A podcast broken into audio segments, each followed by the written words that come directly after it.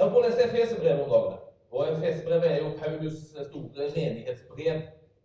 Og Derfor så er det ganske naturlig å tale om menighet. Jeg tror vi kommer til å tale litt om menighet eh, framover. Vi, eh, som Kristine er inne på, så, så, så, er det her med, på en måte, med menighet og det å bidra i fellesskapet noe som er utrolig, utrolig viktig. og mye økonomisk. Og vi kommer fram mot sommeren som i fjor til å, til liksom bygge opp og til å ta opp en sånn sommergave til menigheten. En av de siste gudstjenestene før sommeren kommer til å gjøre det. Eh, og òg sette fokus på det her med fast givertjeneste. For å styrke fellesskapet og skape handlingskraft for oss som fellesskap som mener For at vi skal kunne bli og gjøre alt det som Gud har tenkt at vi skal gjøre som menighet. Så det kommer litt fokus på det i ukene framover, bare så du er klar over det. Det er jo et sånn halleluja-tema, er det ikke det? Glede og det å få gi. Herren elsker en glad giver. Det er best måte at vi blir glade. og, så, er det faktisk salere å gi enn å få. Og det er jo faktisk noe man jeg innser hver gang jeg gir, så tenker jeg at det her er salig å gi. Jeg elsker jula fordi jeg elsker å gi. Men jeg elsker faktisk å liksom skjemme bort mine barn. Jeg elsker å kjøpe julegaver. Sandra sier du må roe deg ned. Jeg elsker å gi julegaver. Det er faktisk er som gjør meg salig. Og det er bibelsk. Så det er jeg glad for. Efeserbrevet er et fantastisk brev. Mange har lest Efeserbrevet. Mange er enig i at Efeserbrevet er et fantastisk brev et fantastisk brev. Og I, i Efeserbrevet så har Paulus litt med sånn et mønster som han følger ofte i måten denne ting han skriver, og måten han tenker på når det gjelder det kristne livet. Og mønster i livet har vel alle, kanskje. Jeg har en elsker mønster og rutiner i livet. Mine morgener ser ganske like ut. Derfor Hvis jeg skal være lykkelig, så må morgenen min se ut på en viss måte. Opp klokka fem. Kaffe, Bibelen, og bønn. Helst et par timer. Jeg håper barna klarer å holde seg våkne, eller de våkner sovende et par timer, og så kommer de. Og da er neste del av rutinen da er det å gjøre klar barna på barnehage og sånt der. Sånn går liksom mine dager. Det finnes noen mønster. Jeg har mange mønstre i livet. Mitt morgenmønster er et godt mønster. Jeg har hatt noen destruktive mønstre òg. Husker jeg bodde i Sverige. Det var kanskje et dårlig mønster for det. Men da hadde nesten sånn her mønster som er et sånn tvangsmønster. Da, da var det morgen og kaffe, traktoren var på. Og, og, hver morgen når jeg reiste ut døra Så når jeg kom ut, så måtte jeg Jeg må bare inn igjen og se at kaffetraktoren er slått av. Og det var altså hver morgen. Så havna jeg i sånn tvangsmønster nærmest. altså. Og jeg kunne liksom være kjempebevisst på å stenge av den men jeg kom utenfor døra Og så nesten av og til kikket jeg på noen ser meg. Og så gikk jeg inn og sjekka den. Og åssen løste jeg det? Jo, nå har jeg en kaffemaskin som. Så det fins mønstre i livet, noen dårlige og noen bra. Paulus har et, et mønster i måten han tenker det kristne livet på som jeg tror er utrolig bra og vesentlig. Det ser faktisk sånn ut. Det er kjempetydelig i Efesbrevet. Det sier sånn Som kristne så har du havna i en ny situasjon. Gud har satt deg på et nytt sted i forhold til ham. Og I Efeserbrevets første kapittel så er det her kjempetydelig. Det er som at han nesten i sånn Geir Wilhelmsen-tempo bare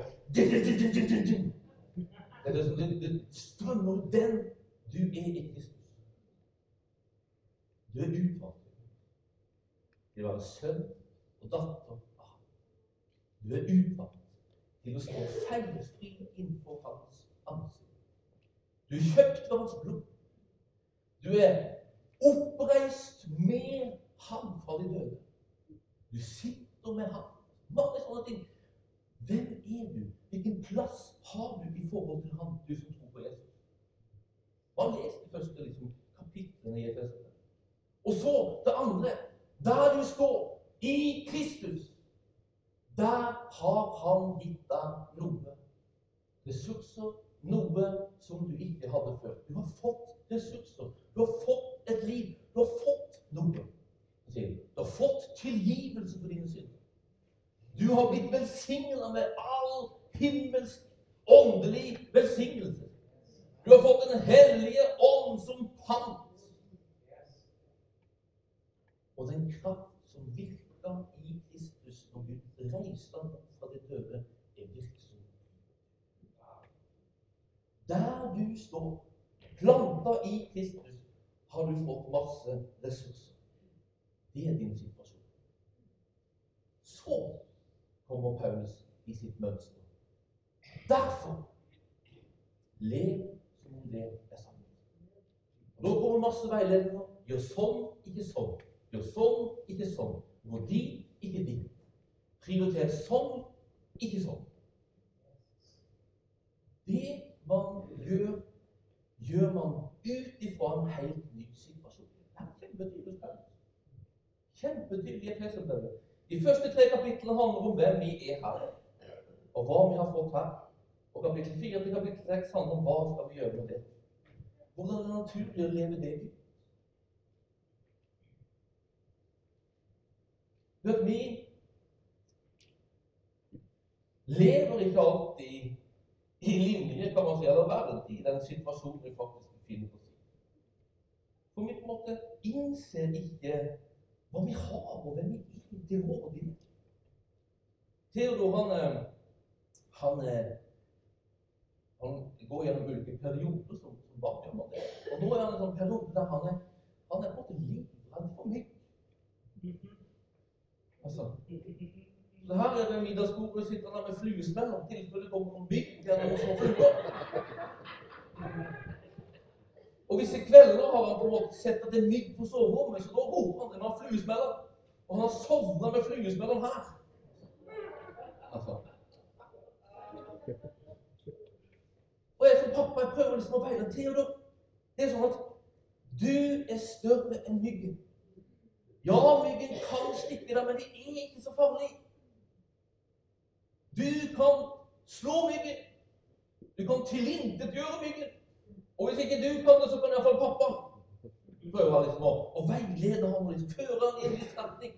Jeg bruker selvfølgelig kos. Altså. Men jeg prøver på en måte å føre ham i den retningen. Husk på hvem du er. Du er et menneske, du er ikke en mygg. Hva du har. Du er sterkere enn den myggen. Lev da liksom i linje med det, som om det er sant. Ikke som om myggen er et stort. Sånn. Han er inne på det her. altså. Husk på din situasjon, og lev ut den situasjonen. Det er det det kristne livet handler om. Og Når Paulus har, har talt om hvem vi er i Kristus i 30 første vers i Efeserbrevet, fra begynnelsen til kapittel 2 vers 10 handler mye om hvem vi er. Vi kan lett lese deg inn i det. Men så leser han videre, skriver han videre, og så skriver han om noe som ikke bare handler om meg, men som handler om oss.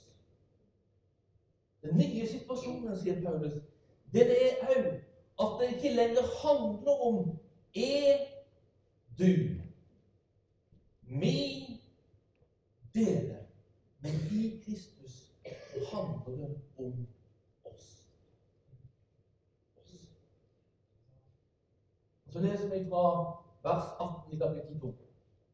Gjennom Han, det er gjennom Kristus, det er gjennom Hans verk på korset, fullbyrda verk på korset, og at vi har tatt imot det, sagt ja til det, og latt det bli en del av livet vårt. Gjennom Han har både vi og dere adgang til Far i én ånd. Derfor er ikke lenger fremmede og utlendinger. Nei, dere er de helliges medborgere og Guds familie. Dere er bygd opp på apostlenes og profetenes grunnvoll med Kristus sjøl som hjørnesteinen. Han holder hele bygningen sammen, og den vokser til et hellig tempel i Herren, og i Han blir òg dere bygd opp til en bolig for Gud i ånden, står det der.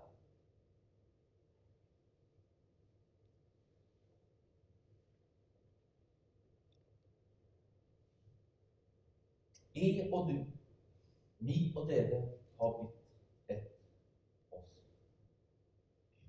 Gjennom Han har både vi og dere adgang til Far i én ånd. Derfor er dere ikke lenger fremmede og utlendinger for hverandre. Nei, dere er de helliges medborgere og Guds familie. Men din og min situasjon, situasjon er at vi hører sammen med andre. At vi hører sammen med hverandre. Det er på Bibelens tid, eller får egentlig Bibelen og de som skriver Bibelen, så er det utenkelig det her at det kristne livet er et sololiv. Og Kristine som er innom det, ikke? Det er ikke et sololiv. Det er utenkelig. Du hører sammen med andre. Vi lever som et folk. Du skal la deg inkludere sammen med andre, kobles med andre. Og vet du hva? Jeg tror det var kun sammen med andre som du kan finne den plassen der ditt liv kommer maksimalt til nytte i hans liv. Paulus bruker sånne bilder om familie, på andre steder om kropp. Det her er bilder på Det her er menighet. Det her er det vi er kalt til å være del av. Her er situasjonen. At vi er ikke lenger skilt fra hverandre, egentlig. Vi er ett. I én ånd har vi adgang til samme far. Det gjør oss til familie. Vi er kalt sammen med andre. Familiebildet sier noe om at menighet er et sted der han kan bo, og der han kan virke inne i. Kroppen sier noe om et fellesskap der han kan virke gjennom noen og bli synlig utover. Familie sier noe om et internt, varmt sted der det fins et fokus på hverandre. Kroppen det sier noe om en, med en, en, bevegelse ut i retning av andre. Tror Mike Pregan sammenfatter det her og sier her, at menighet er a family on mission. En, det er en familie på oppdrag. En familie på oppdrag. Det er det vi er. Det er vi kalt til å være del jeg husker jeg var i Sverige og hadde, det var, jeg, sånn, var mentor på, på bibelskolen. Og da hadde jeg sånn mentorsamlinger. Og så en gang hadde jeg, og, og, jeg kom inn og hadde det etter de hadde hatt sin vanlige bibelskoleundervisning. Da brukte alltid læreren å reise. Og så hadde elevene helt Si hva jeg ville. Men en gang så var det, var det, var det Gunnar Bergli. Han hadde alltid Og, og så når jeg skulle begynne, så satt han på bakerste rad. Og så hadde han en spesiell stil. Liksom, når nå tenkte jeg, nå skal han liksom vurdere meg. Funker det der mentor? tenkte jeg. Og skal skulle jeg si noe om menighet. Så jeg kom på denne formuleringen som var fulgt med siden. Altså. var nesten så var det sånn Hjelp fra himmelen! så, sa de Husk, vi utgjør noe for å utføre. Og sånn.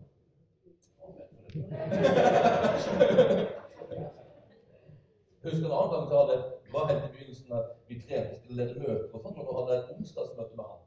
Jeg hadde onsdagskveld han underviste, og så, og så hadde vi ettermøte som vanlig. og jeg hadde leda jeg var ganske liksom nervøs, hadde kommet gjennom min del, hadde tatt kollekt og alt det her. Og satt der og ganske liksom fornøyd med det og ganske letta av at jeg en fullbyrdet oppgaven.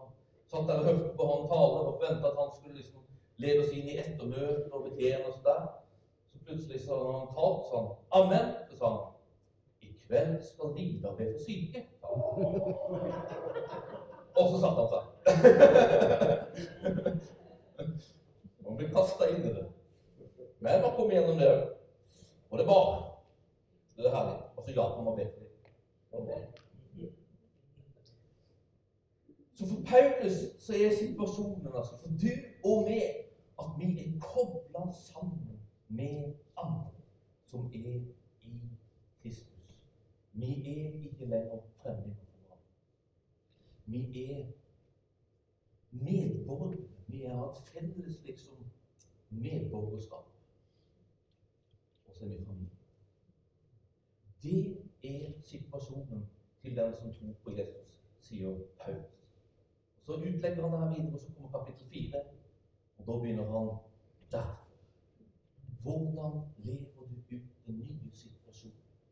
Så leser vi kapittel 4 utover. Masse som handler om hvordan lever vi ut livet som enkeltmennesker, men også som fellesskap, som familie.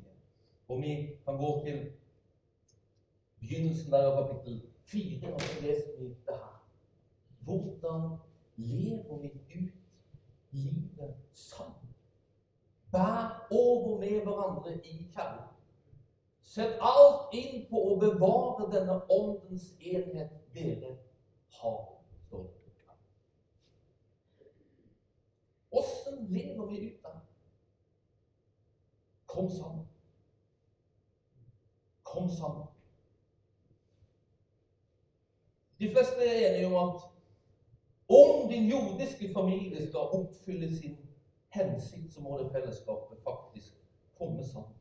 Det må treffes, det må holde sammen, det må brukes tid på. Og det er kun på den måten at den jordiske familien blir på den trygge favnen som det er tenkt. Jeg tror at denne trygge favnen, din jordiske familie, egentlig har en hovedsakelig hensikt, og det er nemlig at den skal gi vekst til de som er del Barn skal vokse opp i en familie.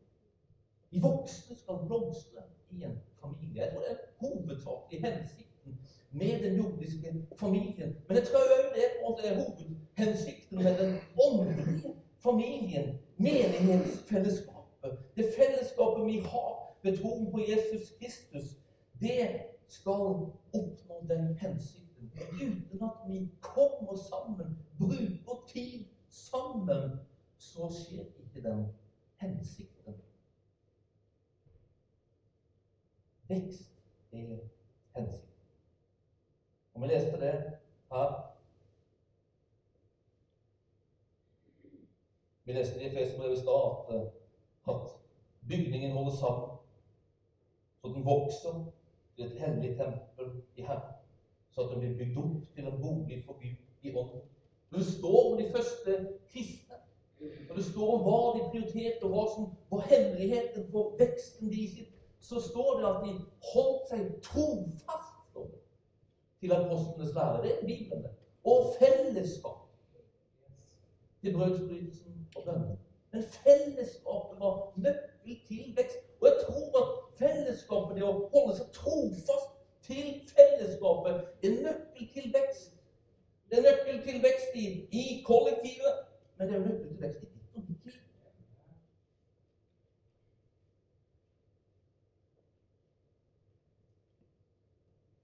Holder det ikke lov å være del av den universelle menigheten?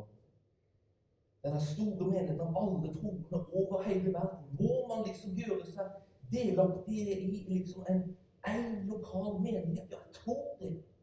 For jeg tror at det er fellesskapet Du kan ikke holde sammen. Du kan ikke være trofast om ikke det blir til noe konkret. Noe synlig. Paulus, når han skriver sine brev, så skriver han til konkrete meninger. Når han hilser til, så hilser han til konkrete fellesskap. Han hilser til Priska og Akvilla i rombrevet, så hilser han til de og, og til den menigheten som treffes i deres hjem. Det er en konkret gruppe mennesker som treffes på et konkret sted. Den lokale menigheten, det er den bibelske måten der det her fellesskapet manifesterer seg. Der familien manifesterer seg. Ja, vi er, vi er i familie med alle kristne over hele verden. Men for at det fellesskapet skal liksom bli til det det er tenkt, så må det konkretiseres i et lokalt fellesskap der man kommer sammen, der vi bygger relasjoner med hverandre, der vi får tillit til hverandre, der vi kan heie på hverandre, der vi kan oppmuntre hverandre, som vi har gjort tidligere i dag. Og jeg vet at det kan være mange årsaker til at vi ikke har funnet et fellesskap. Og det er ikke alltid heller at det er et bevisst ønske eller et bevisst valg man gjør det å holde seg borte fra menigheten. Jeg kjenner personlig mennesker som har erfaringer fra menighet, som har erfaringer fra mennesker i menighet, som gjør at de ikke klarer å satse ordentlig på det igjen. Det er menneskers ord, det er menneskers handlinger, eller det er menigheters liksom styremåter og kulturer har skapt sår av mistillit, av skuffelse, av frykt. Alt det som hindrer at man klarer å gå inn. Ting som gjør at man blir på en måte den som sitter i den benkeradene, men klarer ikke mer, og så går man hjem. Og sånn er det. Og Gud ser det. Gud vet det. Og Gud kjenner det. Og vi må være fulle av, av nåde og barmhjertighet mot de menneskene som har blitt slått i menigheten. Men jeg tror allikevel at Gud ønsker å føre mennesker. Og Jeg tror at han gir oss også oppdraget av å hjelpe mennesker tilbake igjen inn i et menighetsfellesskap. Jeg tror at det er retningen Gud ønsker på livet. Og han gjør det ikke ved liksom pisken eller ved å ikke forstå. Han gjør det ved sin nåde. Han ønsker å gjøre det ved sin nåde, og han ønsker å fylle oss med sin nåde, så at vi kan formidle den nåden til mennesker. Hjelpe mennesker. Hjelpe. Vi hadde jo svenskebesøk her for noen uker siden. Og eh, siste kvelden var det hjemme hos eh, Geir og Miriam, så fikk vi et ord vi til menigheten. Blant annet så, så sa han at dere skal være et sted av a second chance. Altså. Av en ny sjanse. Være et sted der man kan få en ny sjanse. Og bare et sted der nåden råder, kan være et sted der man jeg tror det gjelder òg menigheten. La være et sted der mennesker som, kanskje har blitt slått på og skada i menighetssetning, kan finne et fellesskap som er et hjem. Jeg tror at det er Guds tanke. Jeg tror at det er Guds retning. Og jeg så Når vi var i Stockholm, så så man noe på en måte som vi ofte betegner som, som menighetsshopping. Og det er klart at det er ikke alle som på en måte ikke finner en menighet, som ikke gjør det fordi de er såra. Men av og til finnes det en slags, en slags holdning, et valg og at jeg vil klare meg selv. Jeg vil hente litt herfra og hente litt derfra. Jeg vil høre litt der og høre litt der. Jeg vil skumme litt fløte. Men den den er ikke bibelsk. Tror jeg. Jeg tror det er mye mer er lik en slags moderne, individuell tanke der man helst ikke vil gå inn og underordne seg under. Tenker du åndelig, det faktisk mer litt tanker i nyåndelighet enn i bibelsk. Bibelsk handler om å gå inn. Gi seg til noe og til noe. Gi seg til Gud og så til hverandre, sier Paulus. Hans tanke om det, det er at vi kommer sammen og holder sammen. Med konkrete mennesker og konkrete steder. For at vekst skal skje. Vekst skal skje i ditt liv, og vekst skal skje i vårt liv sammen. Og vekst skal skje i hans mening. Jeg tror til det her med liksom menighetsshopping Det hører ofte liksom sammen den tanken at jeg skal få noe ut av det. Jeg skal få noe ut av det. Hvis du tenker helt egoistisk Jeg skal ha maks forkynnelse, jeg skal ha maks lovsang, jeg skal ha maks Så klart, går det da liksom å skumme, så får du maks. Jeg det Vi kan gå på konferanse der den helga, og så er det en superpredikant der den helga, og så er det det den helga. Og få maks. Men hva skjer med fellesskapet? Har du noe fellesskap å bringe det hjem til, som du kan tjene det tjene der? Hva skjer med hans kropp? Hva skjer med hans familie? Menigheten, det er hans idé. Det er hans størrelse. Det er hans folk, det er hans familie, det er hans kropp.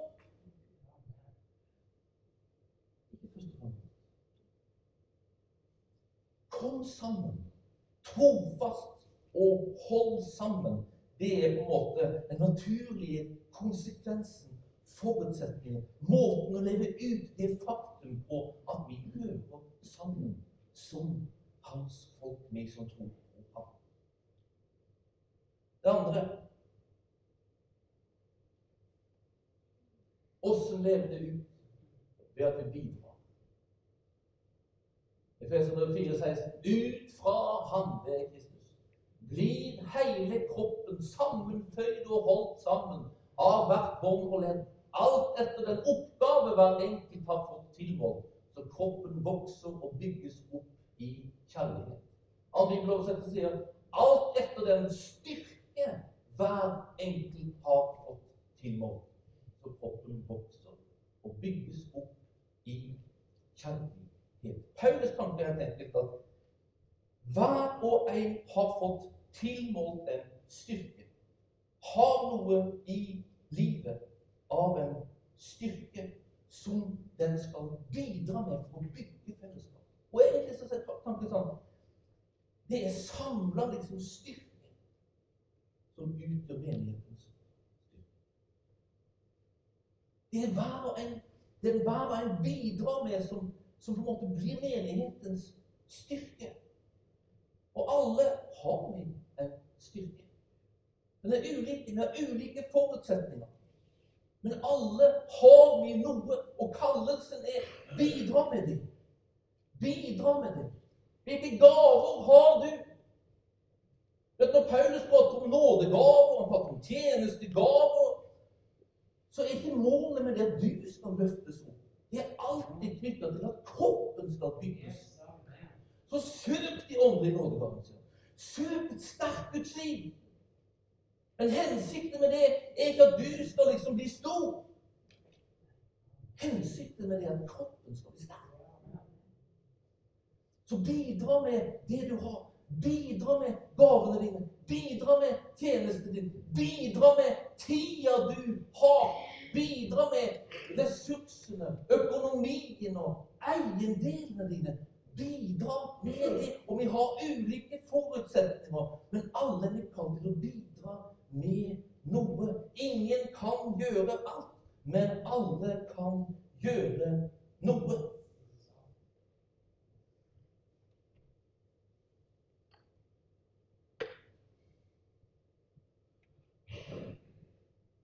Bibelen taler masse om forvalterskap.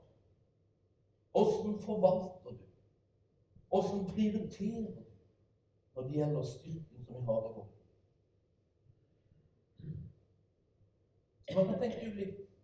Men jeg tror på en måte det, det lander i et spørsmål. Hvilken plass har Guds menighet i livet vårt? hvis det her er Guds familie, det er hans kropp det er et redskap som han har utvalgt for at han kan få bringe vekst inn i den enkelte kristnes liv, og hvis det er et redskap han har valgt for at han skal få bli synlig og være virksom i vår verden, hvilken plass gir vi den? Og mye av vår styrke bringer vi inn til den i forhold til hvor mye styrke vi bringer inn i det å bygge vårt eget liv. Det tales masse om forvalterskap i Bibelen om å søke Hans rike først. Om hvordan forholde seg til penger og det materielle, sånn at det ikke får herrevelde livet vårt. Det taler om det å sette andre foran seg sjøl. Og jeg tror at det å bygge sitt eget hjem, jeg tror at det å prioritere sin egen familie, ekteskap og barna, det er en del av et godt forvalterskap. Det er en del av det å tjene Gud i denne verden. Altså, skal, Det første du skal elske, er det dine nærmeste. Og De første du skal gjøre til disipler, er dine barn. Men bruker vi litt vel mye tid, kraft og ressurser på å dekke våre egne behov? Og er alt det vi kaller behov, egentlig behov, eller er det mer? Har vi satt oss i en økonomisk situasjon der det mer og mer kreves at vi bruker all vår tid og all vår kraft på jobb? Noe som faktisk kan true både våre jordiske familier og vår åndelige familie og dets venner. Altså, Jeg er ikke ute etter å ta noen her. Jeg ransaker meg sjøl like mye ut fra de her spørsmålene. Men jeg tror at det er sunt å ransake. For vi lever i en verden der ting går en viss strøm. Og det er fryktelig lett å, å bare la seg dras med den. Lever vi verdig den situasjonen vi er, at vi har blitt et oss?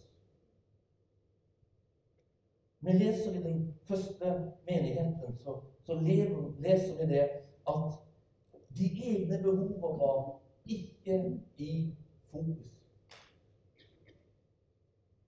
Så her leser vi på Alle de troende holdt sammen og hadde alt tømt. De solgte eiendommene sine og det de ellers eide, og delte ut til alle ettersom hver enkelt trengte det. Hver dag holdt de trofast sammen på tempelplassen, og i hjemmene brøt de brødet og spiste sammen med oppriktig og hjertelig glede, står det der. Fokus var ikke mine behov. Fokus var hva har jeg å bidra? Det var ikke et fokus egentlig heller på hvordan mitt behov kunne dekkes, men et fokus på hvordan våre felles behov kan dekkes av våre felles ressurser. Det fantes en utjevningstanke der de sterke bar de svake, og der man bar hverandres byrder. Der de rike hjalp de fattige. Det var som at det var en tid der det faktisk ser ut som at den enkelte gikk all in i det som var et stort Nå sier ikke jeg at vi skal gjøre det. Men det er sånn her, en utfordrende lese, lesing. Og jeg tenker av og til så, så ler vi det litt fort bort, det vi leser Apostelens gjerning. Ja, det var for en annen tid. Det var for den tida der. Men det var faktisk en tid som varte ganske lenge. Les det som en mann som heter Lukus skriver. Og nå er vi nesten 200 år etter Kristus. Og Lukus han er absolutt ingen kristen. Men han ser det her, de kristne. Han ser åssen liv de lever. Han ser åssen de lever ut sitt kristent liv. Og så er det noe som på en måte, han, han håner det på en måte, men samtidig så fins det en slags beundring der. Han skriver sånn For disse stakkarene, det er de kristne, da, er overbevist om at de vil bli udødelige og leve evig. Så de til og med forakter døden. Ja, de fleste av de lar seg enda og frivillig arrestere. For deres første lovgiver, det er. Lærte de at de alle er brødre. Når de en gang for alle har tatt det avgjørende skrittet ved først å avsverge grekernes guder og deres tilbud denne og leve etter hans lover. Derfor forakter de alt annet og betrakter uten forskjell all eiendom som felles. De stiller på en måte livet sine tilgjengelig for hverandre. Jeg tror ikke det handler om at vi skal selge alt vi eier og gi til Sigbjørn, så han skal forvalte det som styreleder. Men jeg tror det handler om at vi vi forbilder det. Vi kan lære det. De stilte livet sine tilgjengelig for hverandre. De stilte hjemmene sine tilgjengelig for hverandre. De hadde ikke kirker. De hadde hjem. Og de stilte hjemmene sine, de som hadde størst hjem, stilte hjemmet sitt tilgjengelig for menigheten, for at menigheten skulle få et hjem. Nå behøver vi ikke det, for vi har et hjem her. Men allikevel, det som bygger hjemmet vårt, det er det vi har i livet. Det som bygger fellesskapet, det er det du og jeg har i livet. Stille med livet vårt tilgjengelig for hverandre. Så at vi møter hverandres behov. Så at vi hjelper hverandre, styrker hverandre. Og skaper et fellesskap som ikke har liksom, preget av masse nivåforskjeller, men som preget av kjærlighet. En oppriktig kjærlighet til hverandre der vi setter den andre foran oss sjøl. Av og til så kan man høre argumenter om at tiende det er ikke et nytestamentlig prinsipp. Det er liksom noe som tilhører den gamle pakt og loven. Det nytestamentet fins ikke noe som heter tiende. Jeg er ikke enig i det. Jeg tror det kommer en time tretten lenger fram under våren. Men egentlig så er sannheten at tiende er radikalt nok Det nye testamentet.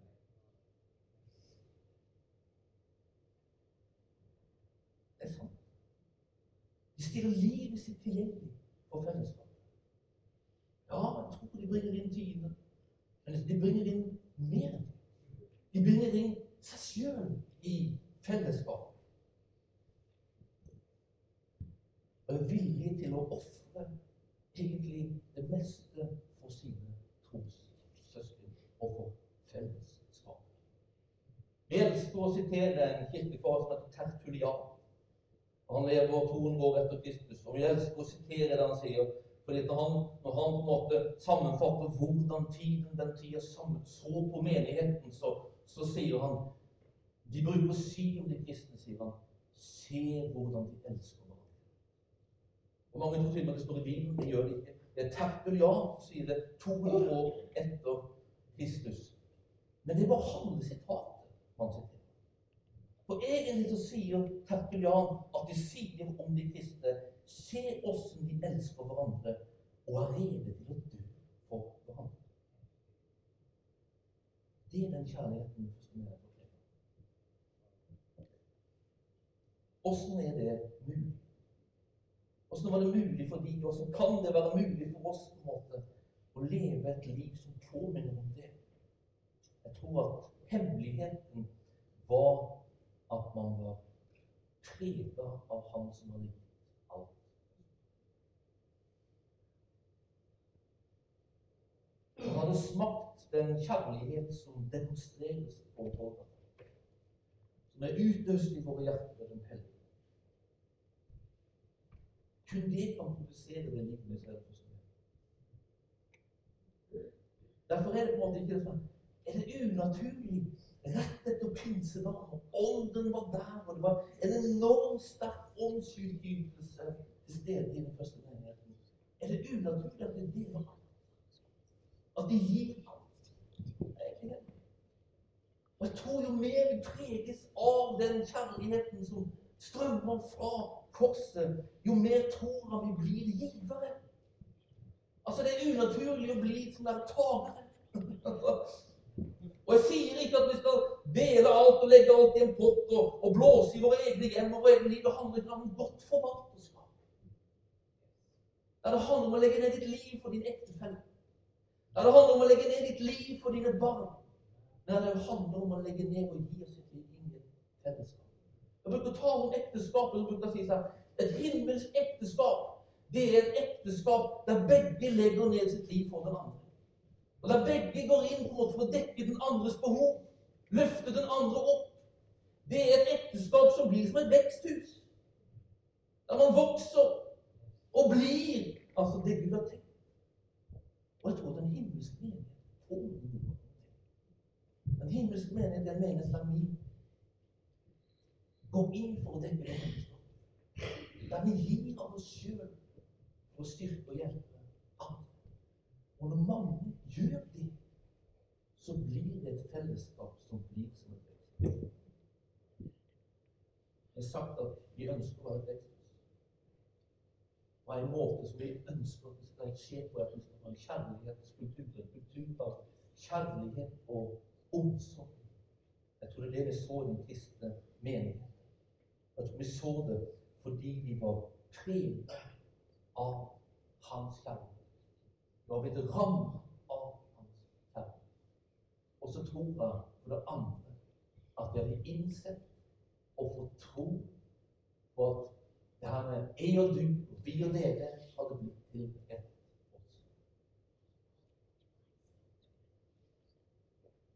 De sto der som Paulus i de første tre kapitlene i Feserbrevet. og har fått en tro på at vi er nye skapelser. Vi tilhører Han, men vi tilhører også hverandre.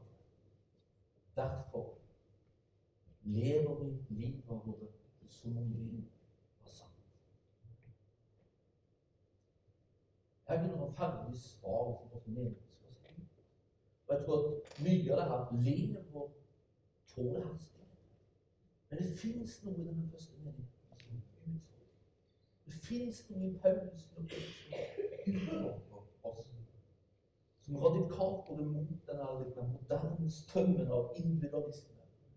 Det handler om å leve et liv som om vi er oss. Som om vi er en familie. Det er min bønn for denne menigheten. For oss sammen. At det skal være opplevelsen for de som er del av den. Og det skal være en opplevelse av de som kommer i kontakt med den.